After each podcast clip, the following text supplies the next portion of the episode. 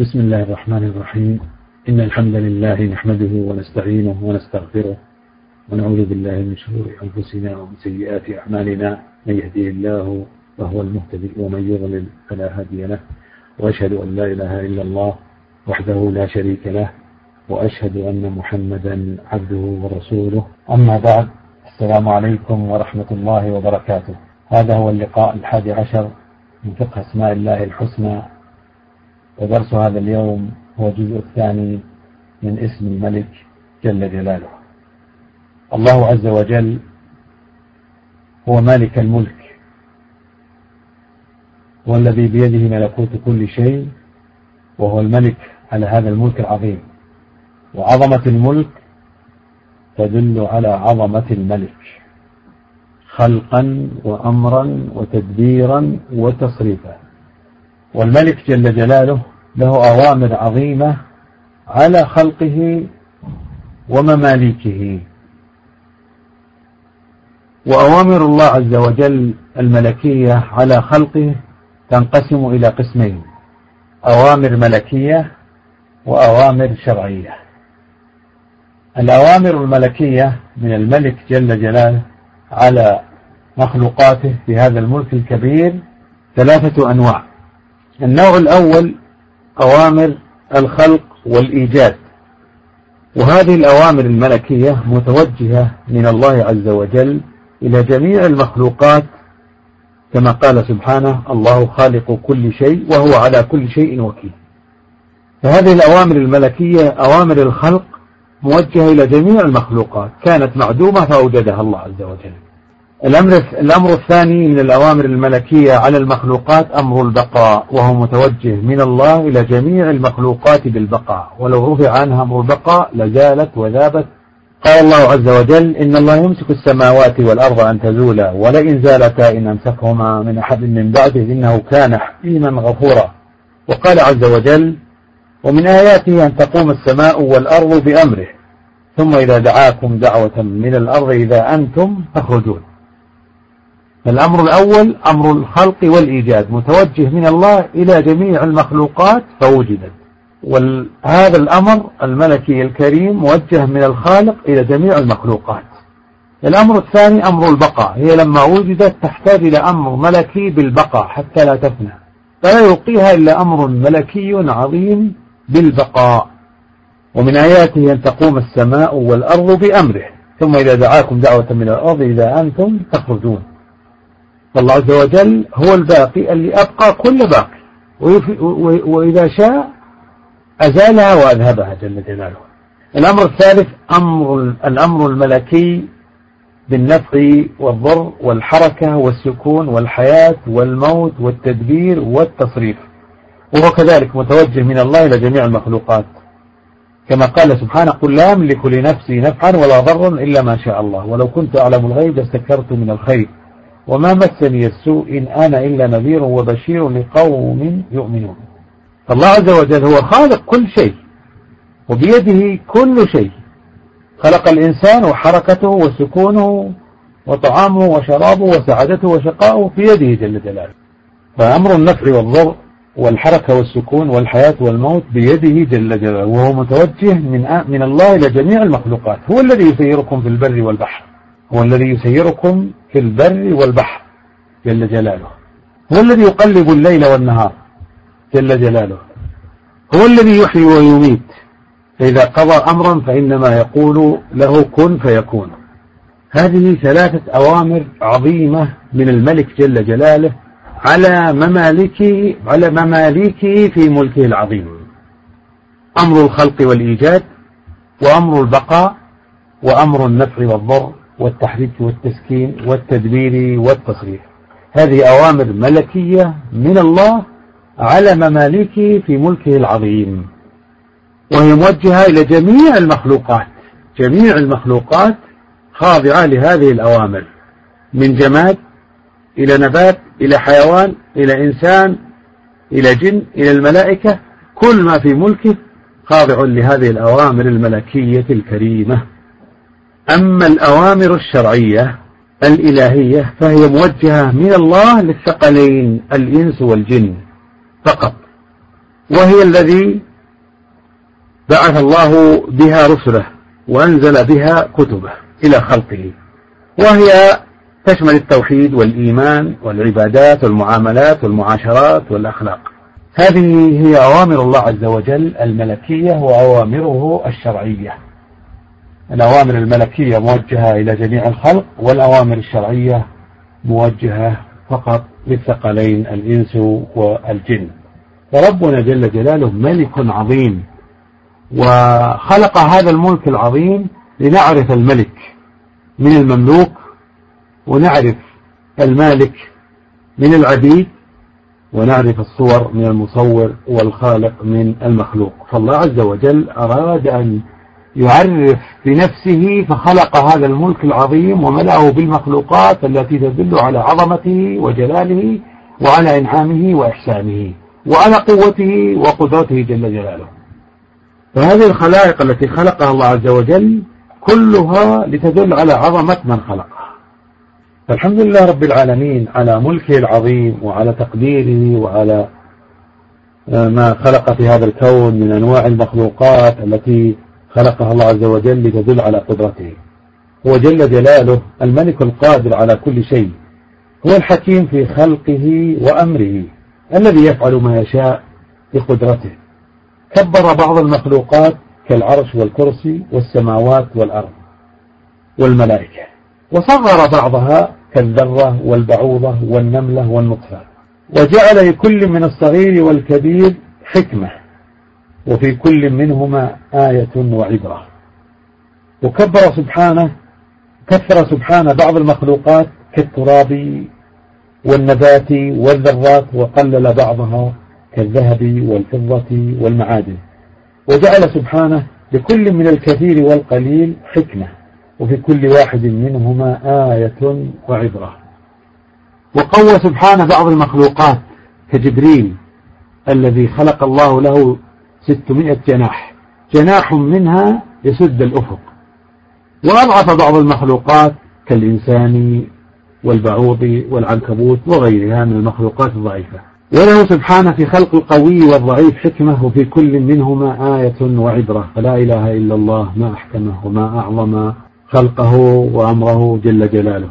وهو سبحانه القادر الذي رفع بعض المخلوقات كالعرش والكرسي والسماوات. والجبال والأشجار. ووضع بعضها كالأرض وما فيها وما عليها والبحار والأنهار. وهو سبحانه الملك القادر الذي جمع بعض المخلوقات كالجبال والبحار وفرق بعضها كالنجوم والرمال والثمار والأوراق.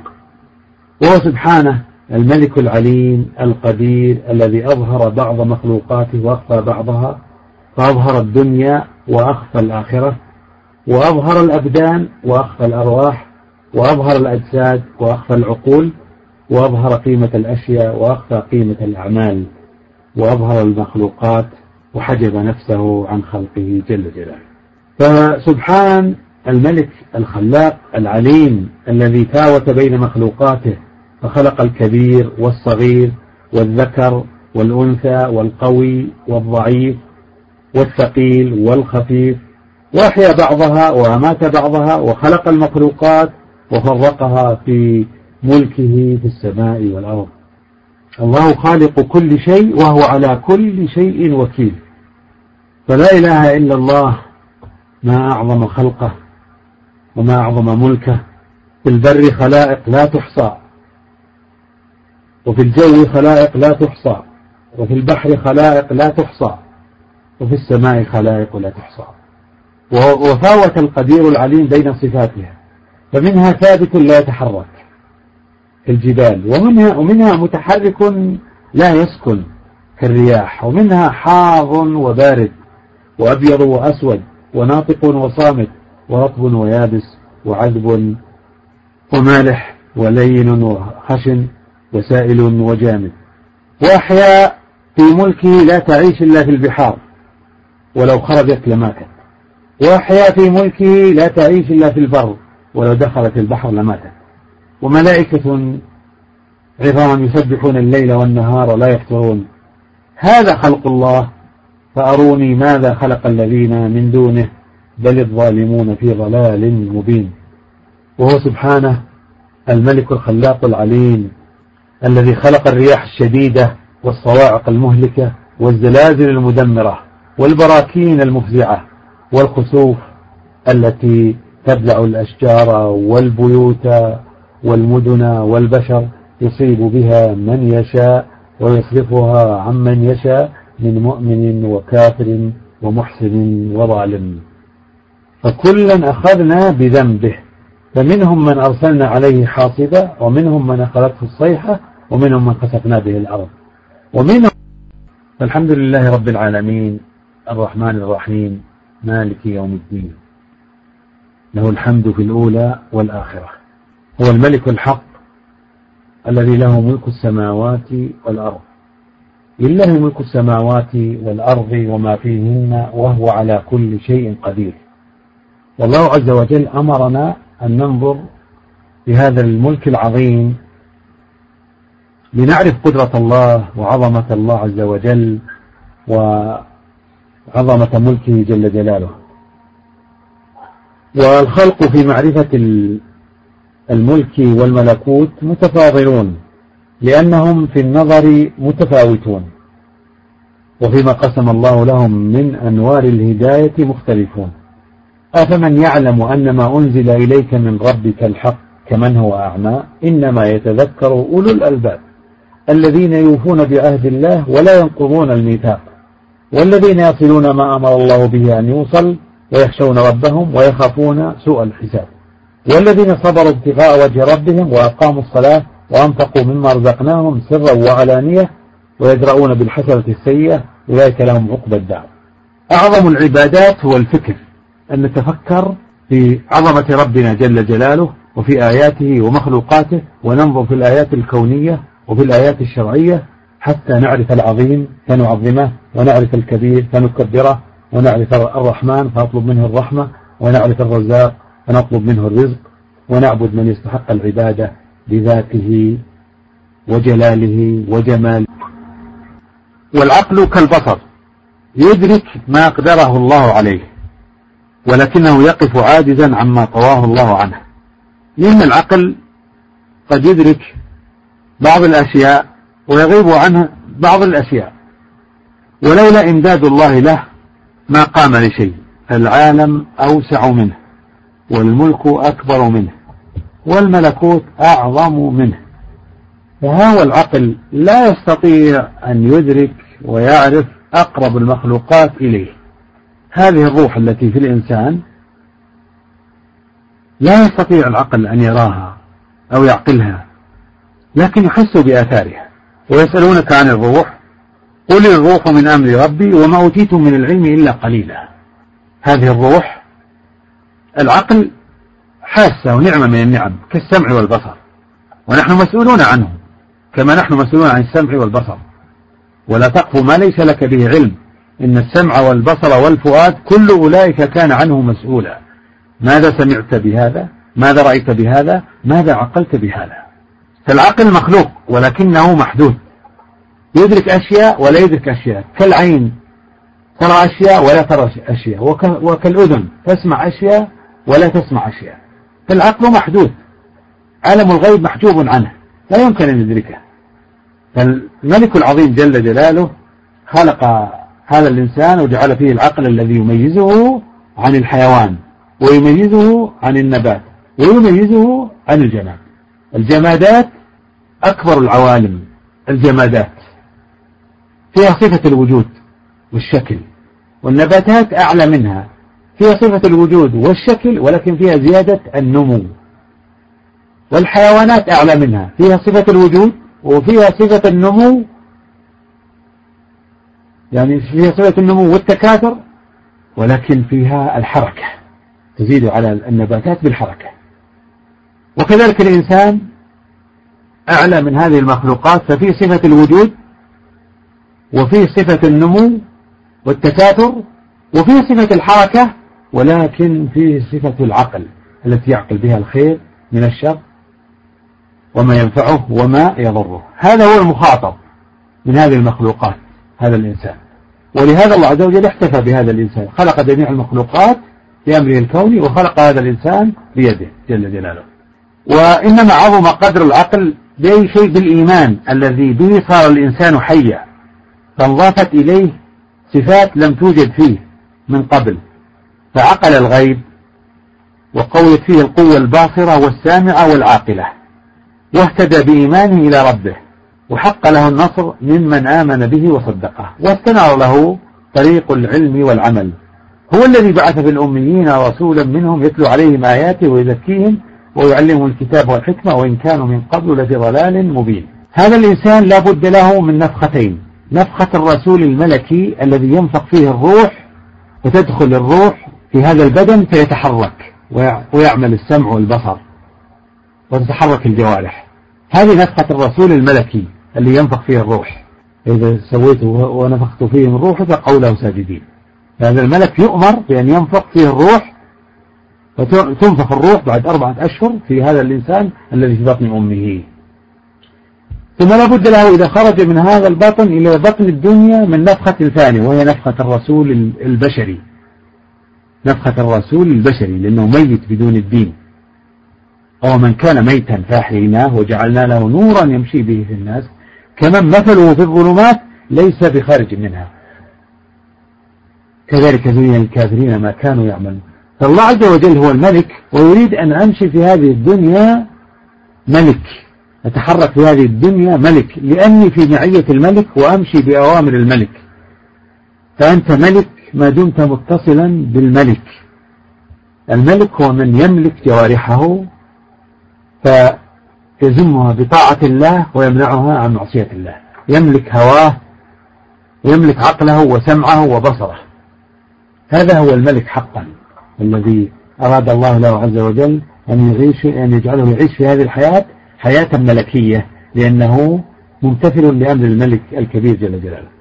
هذا الإنسان المؤمن ينظر في الملك والملكوت بالنور ويسمع بالنور ويتكلم بالنور ويمشي بالنور.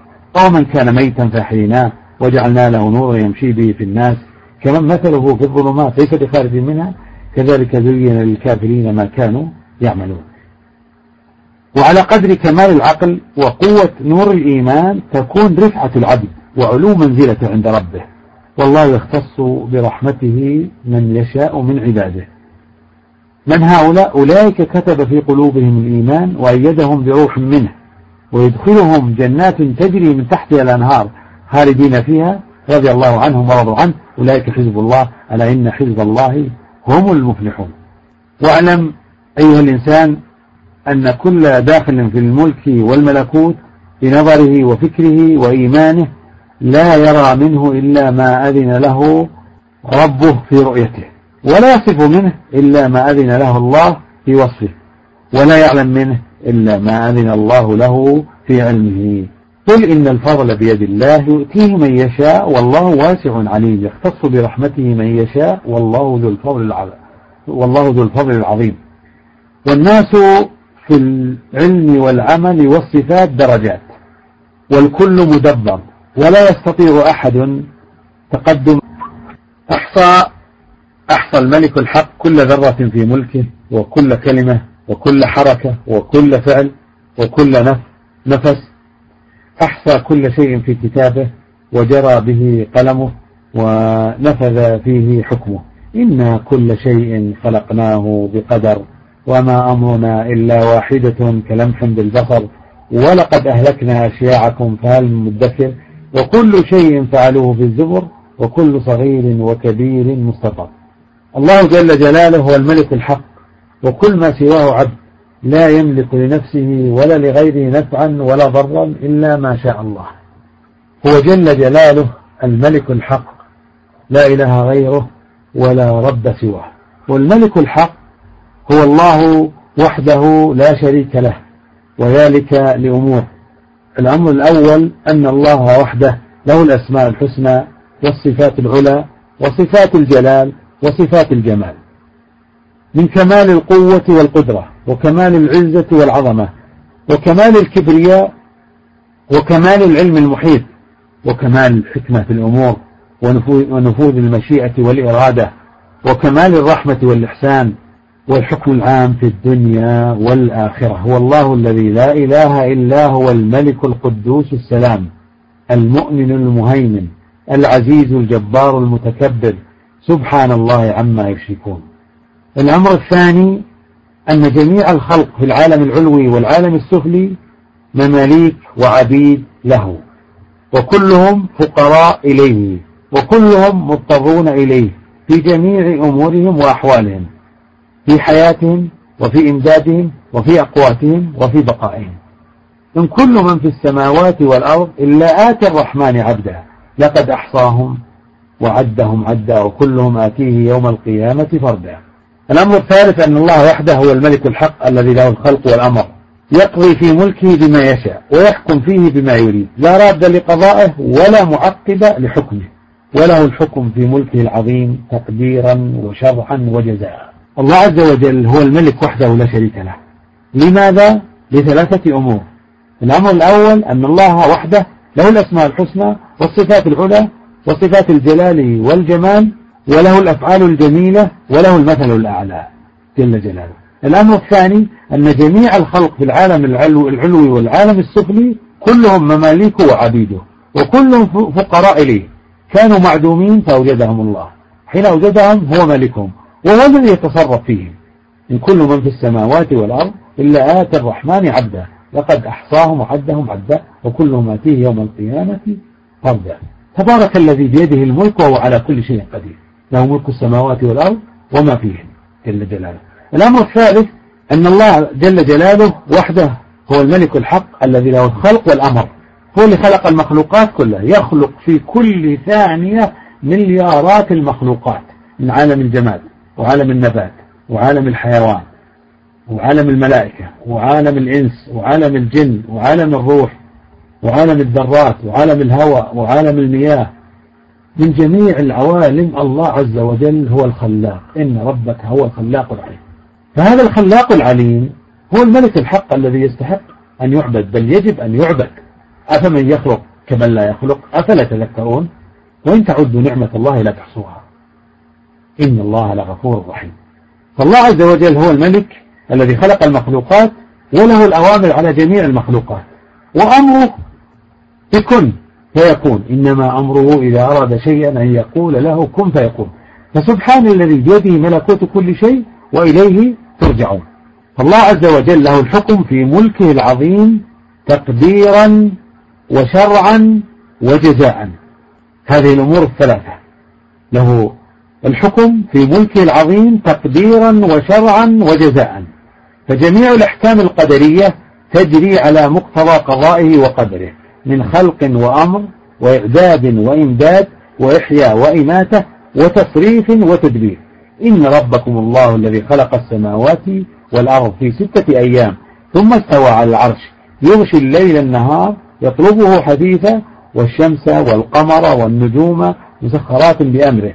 ألا له الخلق والأمر تبارك الله رب العالمين. جميع الأشياء القدرية في هذا الكون بيده جل جلاله. هو الذي خلق وهو الذي يعني يصدر الأوامر الملكية بالتحريك والتسكين والحر والبرد والليل والنهار. وله جل جلاله جميع الأحكام الشرعية على خلقه. هذه أولا أحكام قدرية تجري على جميع المخلوقات. والأمر الثاني له جميع الأحكام الشرعية على خلقه حيث أنزل كتبه وأرسل رسله وشرع شرائعه وأمر خلقه بلزوم دينه وشرعه وحذرهم من تركه. له جل جلاله جميع الأوامر الشرعية فلا يطاع إلا الله جل جلاله بما بعث به رسله وأنزل كتبه. فله الأحكام القدرية الجارية على جميع المخلوقات. وله كذلك الأحكام الشرعية التي أرسل بها رسله وأنزل بها كتبه. ولقد بعثنا في كل أمة رسولا أن يعبدوا الله واجتنبوا الطاغوت. فمنهم من هدى الله ومنهم من حقت عليه الضلالة. فسيروا في الأرض فانظروا كيف كان عاقبة المكذبين. وله جل جلاله جميع الأحكام الجزائية على أعمال العباد خيرها وشرها في الدنيا والآخرة. فيثيب بفضله المطيعين له ويعاقب بعدله العاصين له. متى؟ يومئذ يصدر الناس أشتاتا ليروا أعمالهم فمن يعمل مثقال ذرة خيرا يره ومن يعمل مثقال ذرة شرا يره. فالله جل جلاله له جميع الأحكام في ملكه العظيم تقديرا وشرعا وجزاء. الأحكام القدرية بيده والأحكام الشرعية منه والأحكام الجزائية على الأفعال منه جل جلاله. المؤمن الله عز وجل يجزيه بالجنة والكافر والعاصي الله عز وجل يجزيه بالنار عدلا. الله يجزي المؤمنين بالجنة فضلا ويجزي الكافرين بالنار عدلا. لأن كل نعمة منه خلقنا وهدانا وحبب لنا العمل ويسره لنا وأعاننا عليه وقبله منا هذا كله فضل منه. لا لا يدخل أحد منكم الجنة بعمله. قال ولا أنت يا رسول الله. قال ولا أنا إلا أن يتغمد الله الفضل منه ورحمة. فسددوا وقاربوا. أما عدله فيظهر على الكفار. لأن من يعمل سوءا يجزى به. من جاء بالحسنة فله عشر أمثالها. هذا فضله وإحسانه. ومن جاء بالسيئة فلا يجزى إلا مثلها وهم لا يظلمون. وهذا عدله. من جاء بسيئة يعاقب عليها. وبعد الحساب يكون الجزاء على الأقوال والأعمال والأخلاق لجميع البشر. تلك حدود الله. ومن يعص الله ورسوله ويتعدى حدوده يدخله نارا خالدا فيها وله عذاب مهين. تلك حدود الله ومن يطع الله ورسوله يدخله جنات تجري من تحتها الأنهار خالدين فيها وذلك الفوز العظيم. هذا لهذه الجنة. ومن يعص الله ورسوله ويتعدى حدوده يدخله نارا خالدا فيها وله عذاب مهين. وكل هذه الأحكام تابعة لعدله وحكمته ورحمته. وكلها من معاني ملكه وآثار رحمته جل جلاله. فله الحمد والشكر. فلله الحمد رب السماوات ورب الأرض رب العالمين. وله الكبرياء في السماوات والأرض وهو العزيز الحكيم. فهذا الملك العظيم والرب الكريم والإله الرحيم هو المستحق للعبادة وحده لا شريك له. فلا نعبد إلا إياه ولا نتعلق بأحد سواه. لماذا؟ لأنه رب السماوات والأرض وما بينهما. فاعبده واصطبر لعبادته. هل تعلم له سميا؟ يخلق ويرزق ويعطي ويحيي ويميت ويعز ويذل. كل المخلوقات كبيرها وصغيرها عاليها وسافلها مماليك لله. لا تملك مثقال ذرة من الخلق والأمر. وهي أصلا لم تكن شيئا حتى تفعل شيئا. فلا يجوز لأحد أن يصرف لها من العبادة مثقال ذرة. أفمن يخلق كمن لا يخلق؟ أفلا تذكرون؟ وإن تعدوا نعمة الله لا تحصوها إن الله لغفور رحيم. والله يعلم ما تسرون وما تعلنون. سبحانه. والذين يدعون من دون الله لا يخلقون شيئا وهم يخلقون. أموات غير أحياء وما يشعرون أيان يبعثون. فسبحان الله. ما أجهل من يتعلق بالعبيد المخلوقين العاجزين ويدعوهم من دون الله وهم لا يملكون شيئا ولا يسمعون, يسمعون شيئا ولو سمعوا ما استجابوا. ذلكم الله ربكم له الملك والذين تدعون من دونه ما يملكون من قطمير. إن تدعوهم لا يسمعوا دعاءكم. ولو سمعوا ما استجابوا لكم. ويوم القيامة يكفرون بشرككم ولا ينبئك مثل خبير. ولنعلم أن الطواف بغير الكعبة لا يجوز. ولا يجوز للإنسان أن يطوف حول القبور ولا حول القصور. طواف حول القبور ممنوع تعلق بغير الله. والطواف حول الدنيا والأموال والقصور ممنوع لأنه تعلق بغير الله. حب المال ليس ذنب. التعلق بالمال ذنب. هو تعلق بالمال من دون الله هو الذنب. فلا بد من الفقه في أسماء الله وصفاته. حتى نعرف نعبد من نطيع من نسأل من نتوجه إلى من نتوكل على من. لا بد من الجلوس في الموائد الإيمانية. حتى يزيد الإيمان فتتحرك القلوب فتأمر الجوارح فتطيع الله. تأمر اللسان فيذكر الله ويدعو إلى الله ويعلم شرع الله. وتأمر الأذن فتسمع كلام الله وكلام الرسول صلى الله عليه وسلم. وتسمع الخير. وتأمر يأمر البصر فينظر في ملكوت السماوات والأرض وينظر في الآيات القرآنية. وهكذا الإنسان يتنقل من طاعة إلى طاعة ومن عبادة إلى عبادة بسبب قوة المولد. نور الإيمان الذي اطمئن به القلب. الذين آمنوا وتطمئن قلوبهم بذكر الله ألا بذكر الله تطمئن القلوب. الذين آمنوا وعملوا الصالحات طوبى لهم وحسن مآب والله عز وجل هو الملك المالك لكل شيء وعظمته وكبرياؤه لا يقوم لها شيء وملكه وملكوته أعظم من كل شيء. خلق جل جلاله الأرض وجعلها محيطة بمن فيها فلا يستطيع أحد الخروج منها. وخلق سبحانه السماوات السبع وجعلها محيطة بالأراضين السبع. وخلق فيهما وبينهما وفوقهما من الخلائق التي تسبح بحمده وتدل على عظمته وتشهد بتوحيده ما لا يحصيه ولا يعلمه إلا العليم الخبير. ألم تر أن الله يسبح له من في السماوات والأرض والطير صافات؟ كل قد علم صلاته وتسبيحه والله عليم بما يفعلون. كم في الأرض من ذرة؟ كم في الأرض من شجرة؟ كم في الأرض من حشرة؟ كم في الأرض من نبتة؟ كم في الأرض من إنسان؟ كم في الإنسان من طائر؟ كم في من من حيوان؟ كم في السماء من ملك. كل هذه الخلائق تسبح بحمد ربها وتصلي وتركع وتسجد لربها العظيم وتقنت للملك الكبير جل جلاله. خلق سبحانه الكرسي وجعله محيطا بالسماوات والأرض. الأراضون السبع كل واحدة محيطة بالأخرى والسماوات السبع كل واحدة محيطة بما فوقها. وخلق سبحانه الكرسي الكريم وجعله محيط بالسماوات جعل هذا الكرسي محيطا بالسماوات والأرض. والسماوات السبع والأرضون السبع بالنسبة للكرسي كحلقة ملقاة في أرض فلا فسبحانه ما أعظمه وسع كرسيه السماوات والأرض ولا يؤود حفظهما وهو العلي العظيم. وخلق سبحانه العرش العظيم وجعله محيطا بالكرسي والكرسي وما أحاط به بالنسبة للعرش الكريم كحلقة ملقاة في أرض ثلاث. فسبحان الله ما أعظم ملكه وما أوسع سلطانه. خلق الله العرش العظيم بقدرته وأمسكه بقوته واستوى عليه برحمته وجعله محيطا بجميع مخلوقاته. وهو العلي العظيم الكبير مستو عليه محيط به وهو الغني عنه. لا يحتاج إليه سبحانه ليحمله بل العرش وما دونه محتاج إلى ربه الذي خلقه وأمسكه. إن ربكم الله الذي خلق السماوات والأرض في ستة أيام ثم استوى على العرش. يغشي الليل النهار يطلبه حديثا والشمس والقمر والنجوم مسخرات بأمره. ألا له الخلق والأمر. تبارك الله رب العالمين. سبحان الله. هو الذي يدبر الأمر من السماء إلى الأرض.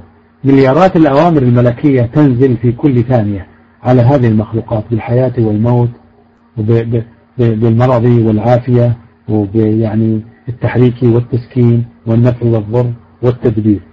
فهو جل جلاله له الخلق والأمر في ملكه وملكوته جل جلاله. فالله عز وجل هو الملك العظيم الذي استوى على عرشه العظيم وهو الذي خلق السماوات السبع والأراضين السبع وأمسكهما بقدرته وقوته. فليس للسماوات علائق من فوقها ولا دعائم من تحتها. إن الله يمسك السماوات والأرض أن تزولا. ولئن زالتا إن أمسكهما من أحد من بعده. إنه كان حليما غفورا.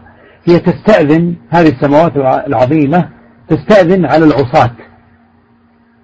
لتدمرهم ولكن الله يمسكها لأنه حليم على عباده. هي تريد تتفطر من معصية العصاة ومن جرم المجرمين. ومن فسق الفساق. ومن طغيان الطغاة ولكن الله يمسكها. لماذا؟ لأنه حليم غفور. والله سبحانه جعل العرش العظيم هو سقف المخلوقات كلها. أمسكه بقدرته واستوى عليه برحمته. الرحمن على العرش استوى. له ما في السماوات وما في الأرض وما بينهما وما تحت الثرى. وإن تجهر بالقول فإنه يعلم السر وأخفى. الله لا إله إلا هو له الأسماء الحسنى. هو فوق عرشه العظيم. ويسمع ويرى جميع مخلوقاته الذرات وغيرها وما فوقها وما دونها. والله جل جلاله مستوى على عرشه العظيم يرى كل ذرة في ملكه العظيم ويسمع كل شيء في كونه الكبير ويعلم كل شيء في العالم العلوي والعالم السفلي. وما يعزب عن ربك من مثقال ذرة في الأرض ولا في السماء ولا أصغر من ذلك ولا أكبر إلا في كتاب مبين. لا إله إلا الله. هذا هو الملك الحق الذي يستحق أن يعبد. لذاته وأسمائه وصفاته وجلاله وجماله. ربنا ملك عظيم قوي عزيز خلاق عليم غني كريم غفور رحيم قادر قاهر. يدبر الأمر ويخلق ويرزق ويعز ويذل ويحكم ما يريد ويفعل ما يشاء ويهدي من يشاء ويضل من يشاء ويرحم من يشاء. ويعذب من يشاء ويحكم بالعدل ويحسن إلى خلقه ويتودد إليهم بنعمه ويجيب من دعاه في العالم العلوي والعالم السفلي ويعطي من سأله ويغفر لمن استغفره. يسأله من في السماوات والأرض كل يوم هو في شأن لا تختلف عليه الأصوات ولا تشتبه عليه اللغات. يجيب الناس جميعا وكما يرزقهم جميعا ويراهم جميعا كأنهم مخلوق واحد. يراهم في العالم العلوي ومن في العالم السفلي ومن في الجو ومن في البحر. يرى الذرات في أجسادهم ويسمع تسبيحها وتقديسها لربه لربها جل جلاله. فسبحان الملك الحكيم القدوس السلام الذي خلق سبع سماوات ومن الأرض مثلهن وأظهر لنا من السماوات واحدة وأخفى ستة. وأظهر من الأراضين واحدة وأخفى ستة لماذا؟ حتى يترك القرآن موضع بيان للرسول صلى الله عليه وسلم. النبي صلى الله عليه وسلم بين لنا خلق السماوات وأنها سبع سماوات وأن الأنبياء في السماوات آدم في السماء الدنيا عن يمينه نسمات المؤمنين وعن يساره نسمات أهل النار من من أبنائه. وفي السماوات الأنبياء إبراهيم وموسى وعيسى وزكريا ويحيى والأنبياء في كل سماء نبي من الأنبياء وإبراهيم مسند ظهره للبيت المعمور فآدم في السماء الدنيا وآدم في الس... وإبراهيم في السماء العليا. متعبدات الخلق ثلاث ثلاثة أماكن الكعبة والبيت المعمور والعرش العظيم. متعبد الإنس والجن والملائكة الذين يشاركون في العبادة هو البيت العتيق في مكة. متعبد الملائكة في السماوات هو البيت المعمور ولكن لا يسمح لأي ملك أن يطوف إلا مرة واحدة. يطوف بهذا البيت العظيم البيت المعمور سبعون ألف ملك. يطوفون ببيت الملك الملك جل جلاله في السماء فوق السماء السابعة. ولا يأتي من كثرة الملائكة لأن الملائكة الله عز وجل ملأ السماوات السبع بالملائكة فما فيها موضع أربع أصابع إلا وفيه ملك قائم أو راكع أو ساجد لله جل جلاله. أطت السماء وحق لها أن تعب. لماذا؟ بالملائكة الذين ملأوها. الذين يسبحون الليل والنهار لا يفترون. منهم قائم ومنهم راكع ومنهم ساجد ومنهم يسبحون منهم يحمدون. لهم وظائف مع أعمالهم. فهم المدبرات أمرا فالله عز وجل بين لنا أشياء وأخفى أشياء. بين في القرآن أشياء وترك الله وسلم يبين هذه السماوات السبع ومن فيها. وترك القرآن والسنة موضع للنظر والتفكر من البشر. حتى ننظر نحن في ملكوت السماوات والأرض. ننظر في الملك والملكوت. أفلم ينظروا إلى السماء فوقهم كيف بنيناها وزيناها وما لها من فروج. قل انظروا ماذا في السماوات والأرض وما تغني الآيات والنذر عن قوم لا يؤمنون. فلينظر الإنسان إلى طعامه. أن صببنا الماء صبا ثم شققنا الأرض شقا فأنبتنا فيها حبا وعنبا وقربا وزيتونا ونخلا وحدائق غلبا وفاكهة وأبا. أفلا ينظرون إلى الإبل كيف خلقت؟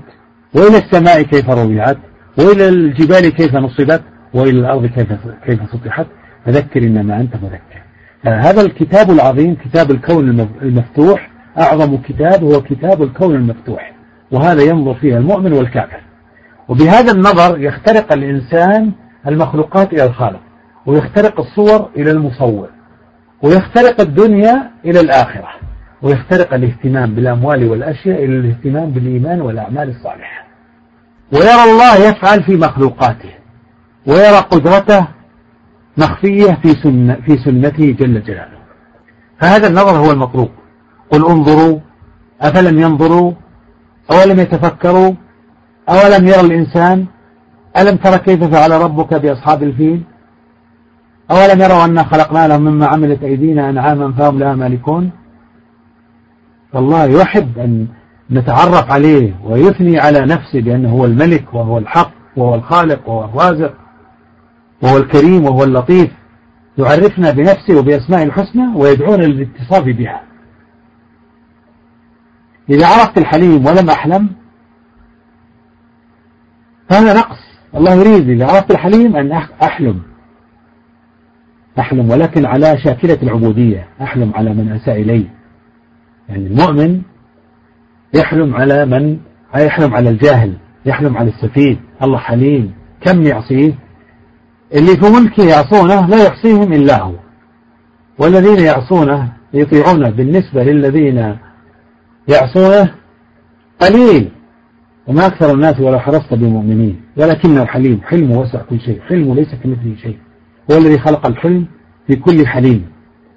فالله عز وجل يريد منا هذه العبادة العظيمة النظر والتفكر. أفلا يعقلون؟ أفلا يتفكرون؟ أفلا تعقلون؟ أفلا تسمعون؟ فالله عز وجل ترك موضع النبي صلى الله عليه وسلم يبين فيه عظمته. وترك القرآن والسنة موضع للنظر والتفكر من البشر الذين يصلون منه, منه إلى العلم بالرب وآياته ومخلوقاته. فإذا عرفوه أحبوه ثم عبدوه وأطاعوه وحده لا شريك له. الله الذي خلق سبع سماوات ومن الأرض مثلهن. يتنزل الأمر بينهن لماذا؟ لتعلموا أن الله على كل شيء قدير وأن الله قد, قد أحاط بكل شيء علما.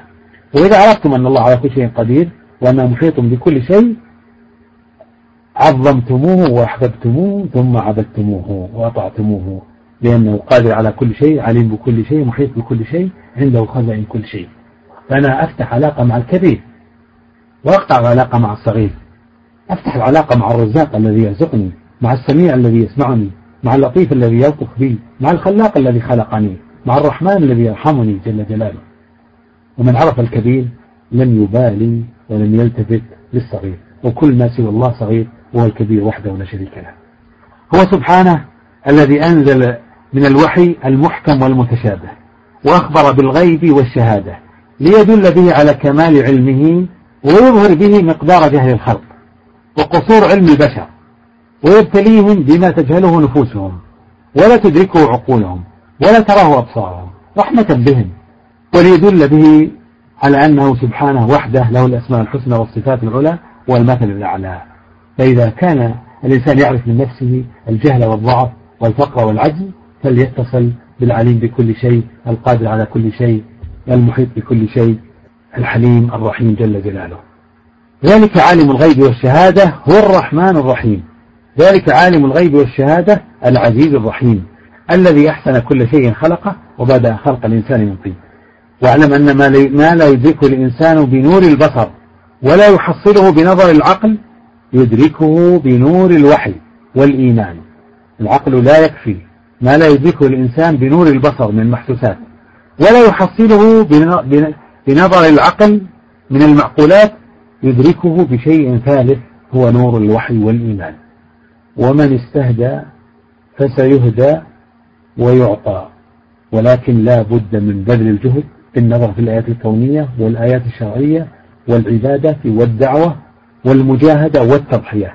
والذين جاهدوا فينا لنهدينهم سبلنا وإن الله لمع المحسنين. ولهذا أرسل الله الرسل وأنزل الكتب وشرع الشرائع. لماذا؟ ليضيف العباد علوما تسعدهم في دنياهم وأخراهم. لقد من الله على المؤمنين إذ بعث فيهم رسولا من أنفسهم يتلو عليهم آياته ويزكيهم ويعلمهم الكتاب والحكمة وإن كانوا من قبل لفي ضلال مبين.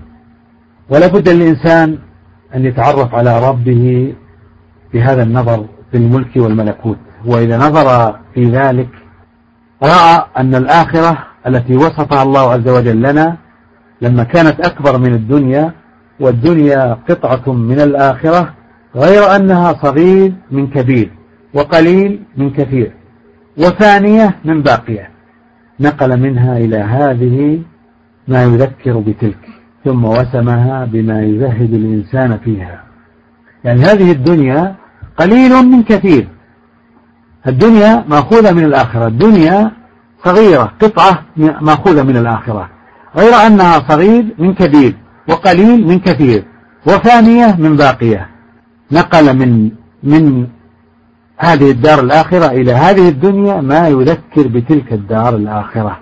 ثم وسم الدنيا بما يزهد الإنسان فيها وعلق عليها لوحة متكررة يراها الإنسان في كل يوم. يراها كلما نظر في كتاب الله عز وجل. علق على الدنيا لوحة كما يعلق أصحاب المحلات التجارية على بعض البضائع أن هذه بضائع ليست جيدة ليست أصلية هذه أطعمة فاسدة يعلق عليها لوحة أنها أطعمة فاسدة فاسدة تعطى للحيوانات أو غيرها. كذلك الله خلق الدنيا وجعلها مكان للعبادة والدعوة ونشر الهداية وإقامة السنة ولكن الدنيا ما خلق على الدنيا زينة لها. أما زينة المؤمن في الدنيا فهو الإيمان. ولكن الله حبب إليكم الإيمان وزينه في قلوبكم. أما الدنيا فالله يقول عنها إنا جعلنا مع الأرض زينة لها. فالله عز وجل علق على الدنيا لوحة حتى لا نلتفت إليها أبدا. نأخذ منها بقدر الحاجة ونعطي للدار الآخرة بقدر الطاقة. وجاهدوا في الله حق جهاده. علق عليها لوحة. ما هذه اللوحة؟ من يقرأ هذه اللوحة؟ وما هذه اللوحة هي؟ وما هذه الحياة الدنيا إلا لهو ولعب. وإن الدار الآخرة لهي الحيوان لو كانوا يعلمون. اللوحة الثانية اعلموا أنما الحياة الدنيا لعب ولهو وزينة وتفاخر بينكم وتكاثر في الأموال والأولاد. كمثل غيث أعجب الكفار نباته ثم يهيج فتراه مصفرا ثم يكون حطاما. وفي الآخرة عذاب شديد ومغفرة من الله ورضوان. وما الحياة الدنيا إلا متاع الغرور. لوحة الثالثة يا أيها الناس إن وعد الله حق. فلا تغرنكم الحياة الدنيا ولا يغرنكم بالله الغرور. الله خلق الدنيا وسمى بهذا الوسم الذي يزهد فيها. وخلق الآخرة وعلق عليها لوحات ترغب فيها. ولعظمة الجنة وسعتها وحسنها وأبديتها مدحها الله ورغب فيها عباده وجعل أسباب الوصول إليها أسهل وطرق تحصيلها أيسر. رحمة من ربك الملك الكريم الرحمن. كما قال سبحانه والمؤمنون والمؤمنات بعضهم أولياء بعض.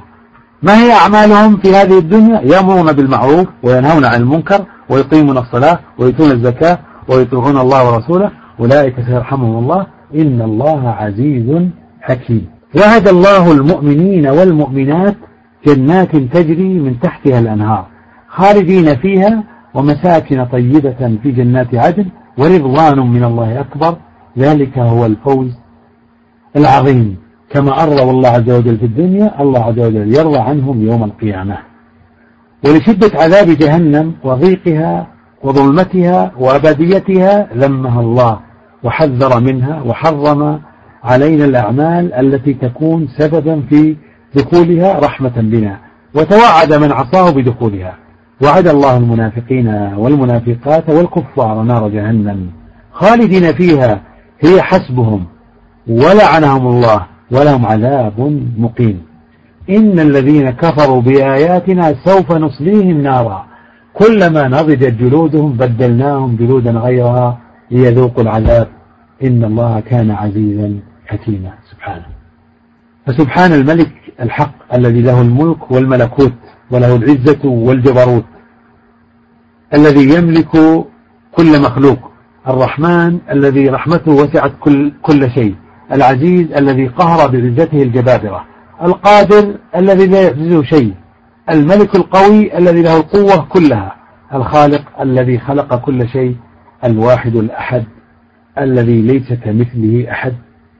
وسبحان ذي الجبروت والملكوت والكبرياء والعظمة والمجد والجلال. سبحان الله ما أكبر ملكه وما أكثر مماليكه وما أعظم سلطانه. وما أوسع رحمته وما أحسن أسماءه وصفاته. ما أحسن أسمائه وصفاته جل جلاله. وما أجمل كرمه وإحسانه. وما أشد بطشه وانتقامه. وما أجدره من عبيده بأحسن التحيات. وما أولاه بأزكى الصلوات والطيبات من الأقوال والأعمال. التحيات لله والصلوات والطيبات. السلام عليك أيها النبي ورحمة الله وبركاته. ذلكم الله ربكم فاعبدوه. أفلا تذكرون؟ إليه مرجعكم جميعا وعد الله حقا. إنه يبدأ الخلق ثم يعيده. ليجزي الذين آمنوا وعملوا الصالحات بالقسط. والذين كفروا لهم شراب من حميم وعذاب أليم بما كانوا يكفرون. فسبحان الله وبحمده عدد خلقه وزنة عرشه ورضاء نفسه ومداد كلماته.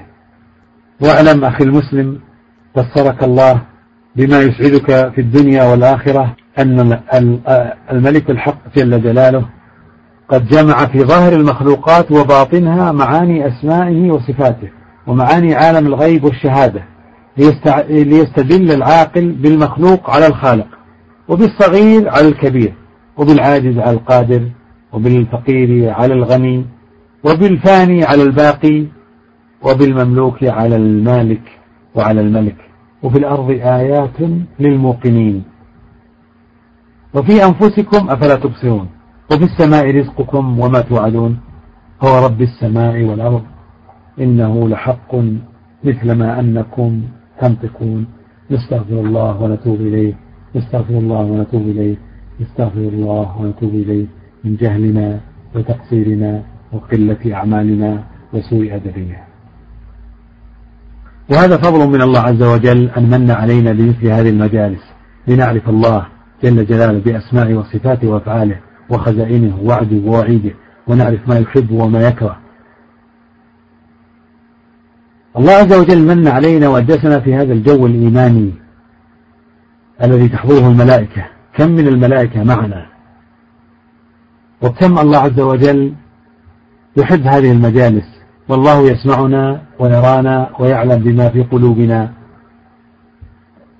هذه نعمة كبرى أن نجلس على موائد الإيمان.